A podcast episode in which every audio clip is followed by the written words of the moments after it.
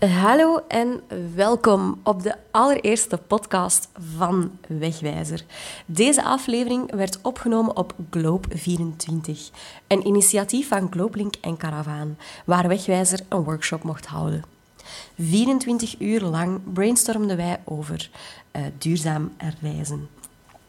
Een van de tips uh, die wij aanhielden, was een tip van de week.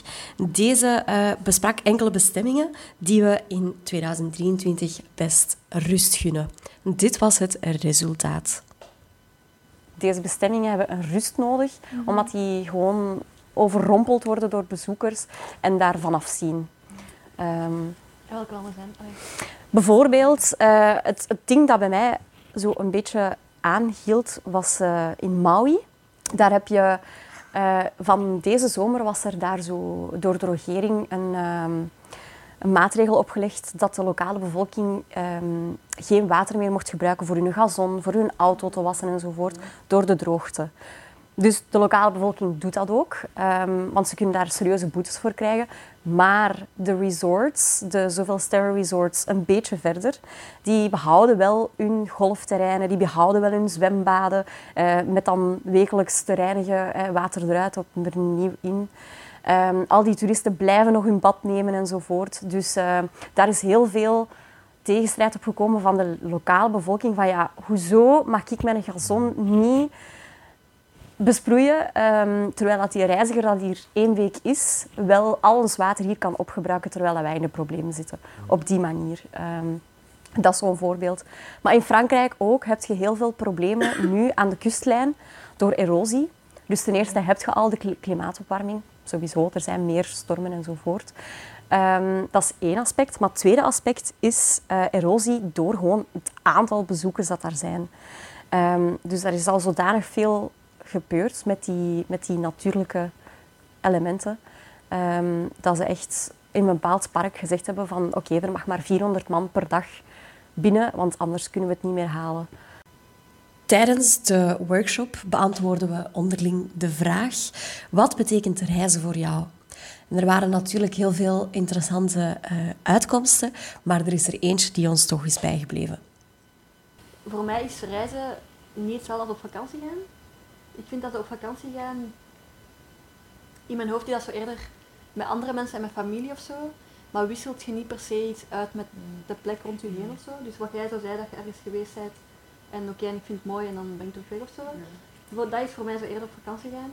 Het is niet per se dat ik zo oppervlakkig op vakantie ga altijd, maar ik vind dat in reizen meer die diepgang zit. En voor mij is dat ook mij openstellen we merkten dat de term duurzaam reizen wel heel gekend is, maar uh, dat het toch nog een woordje uitleg kan gebruiken. Van wat is duurzaam reizen dan precies? Ja. Um, maar bijvoorbeeld ook, we hebben, we dit, deze 24 uur wel regelmatig gehad over teruggeven aan de lokale bevolking. Ja. Ik ben er heel cynisch in. Ik denk nog altijd dat we reizen vooral doen voor onszelf. En dat, um, denken dat we iets kunnen doen voor de lokale bevolking, dat dat eigenlijk gewoon wat misschien ons schuldgevoel aanspreken is. Ja. Het is duidelijk dat er toch nog heel wat vragen zijn rond duurzaam reizen of duurzamer reizen. Want duurzaam reizen is in feite niet mogelijk. Um, maar om duurzamer te reizen. Uh, en daarvoor gaan we een kijkje nemen naar de 17 SDG's. SDG staat voor Sustainable Development Goal, of in het Nederlands duurzaamheidsdoelstellingen. Um, bijvoorbeeld SDG 10 is een, uh, een doelstelling die focust op het verminderen of het elimineren van ongelijkheid. Deze 17 doelstellingen, de groep van de 17 doelstellingen, zijn eigenlijk zo goed als allemaal van toepassing op het toerisme. Toerisme is namelijk een immens grote industrie uh, met rechtstreekse en onrechtstreekse tewerkstelling. De SDG's die worden opgesplitst in vijf groepen, ook wel de vijf P's genoemd. Uh, voor planet, of ook wel planeet, uh, ligt de focus op de bescherming van natuurlijke bronnen en het klimaat voor toekomstige generaties. Voor het reizen zijn er eigenlijk twee tips die we kunnen toepassen. Bijvoorbeeld uh, het kiezen van een duurzaam alternatief voor zonnecrème. Het is niet algemeen geweten, maar verschillende ingrediënten die vaak in die zonnecrèmes zitten of gebruikt worden, zijn schadelijk voor het zeeleven en de ecosystemen. Dus wanneer dat jij uh, jezelf insmeert en daarna de zee in uh, duikt, ben je eigenlijk niet zo goed bezig op vlak van duurzaam reizen. Een tweede tip uh, is om lokaal onverpakte groenten en fruit aan te kopen. Probeer dus um, de grootwarenhuizen links te laten liggen en uh, ga naar de lokale markt en uh, zorg dat jouw financiële bijdrage ook rechtstreeks naar de lokale bevolking gaat. Dat zijn dan twee vliegen in één klap. De tweede P die dat we bespreken, of de tweede categorie van de SDG's die dat we bespreken, um, is people of in het Nederlands mensen. En hierbij ligt de focus op het beëindigen van armoede en honger in al haar vormen. Een tip die dat we meegeven uh, voor het reizen is uh, respecteer altijd de lokale bevolking. Uh, je bent zelf de gast. Het is dus ook aan jou om jezelf fatsoenlijk te gedragen en binnen de normen van een cultuur te handelen. Leer ook een paar woorden in de lokale taal en probeer contacten te leggen. Um, verder raden we ook aan om eerst toestemming te vragen vooraleer je erop los fotografeert. Zeker wanneer er kinderen aanwezig zijn. Ga dan uh, eventjes aan de, bij de ouders checken of het oké is um, en ga daarna je gang.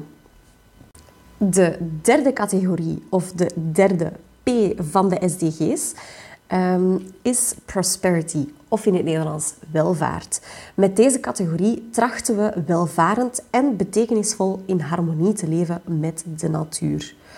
Een kleine tip die dat we hiervoor meegeven is het aankopen van handgemaakte souvenirs door de locals um, en niet te kiezen voor um, souvenirs made in China die uh, aangekocht werden. De vierde P is peace of vrede in het Nederlands. En deze categorie bevordert vreedzame, eh, rechtvaardige en inclusieve samenlevingen. Deze P is eigenlijk eerder toegespitst op vrijwilligerswerk tijdens het reizen, um, waar er toch wel enkele valkuilen um, bij komen kijken.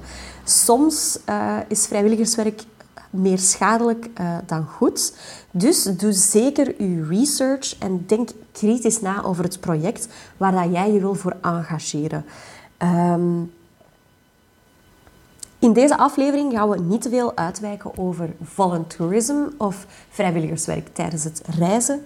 Um, maar daar kunnen we je wel uh, verder verwijzen naar UCOS en dan komen we bij de laatste P, namelijk partnerships of in het Nederlands partnerschappen.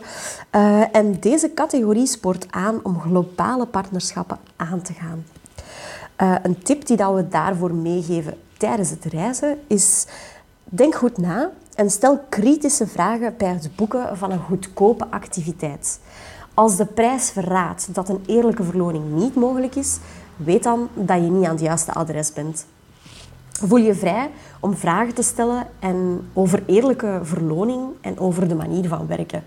De SDG's en de uitleg ervan is nogal redelijk theoretisch uh, en niet altijd even simpel om toe te passen tijdens je reis.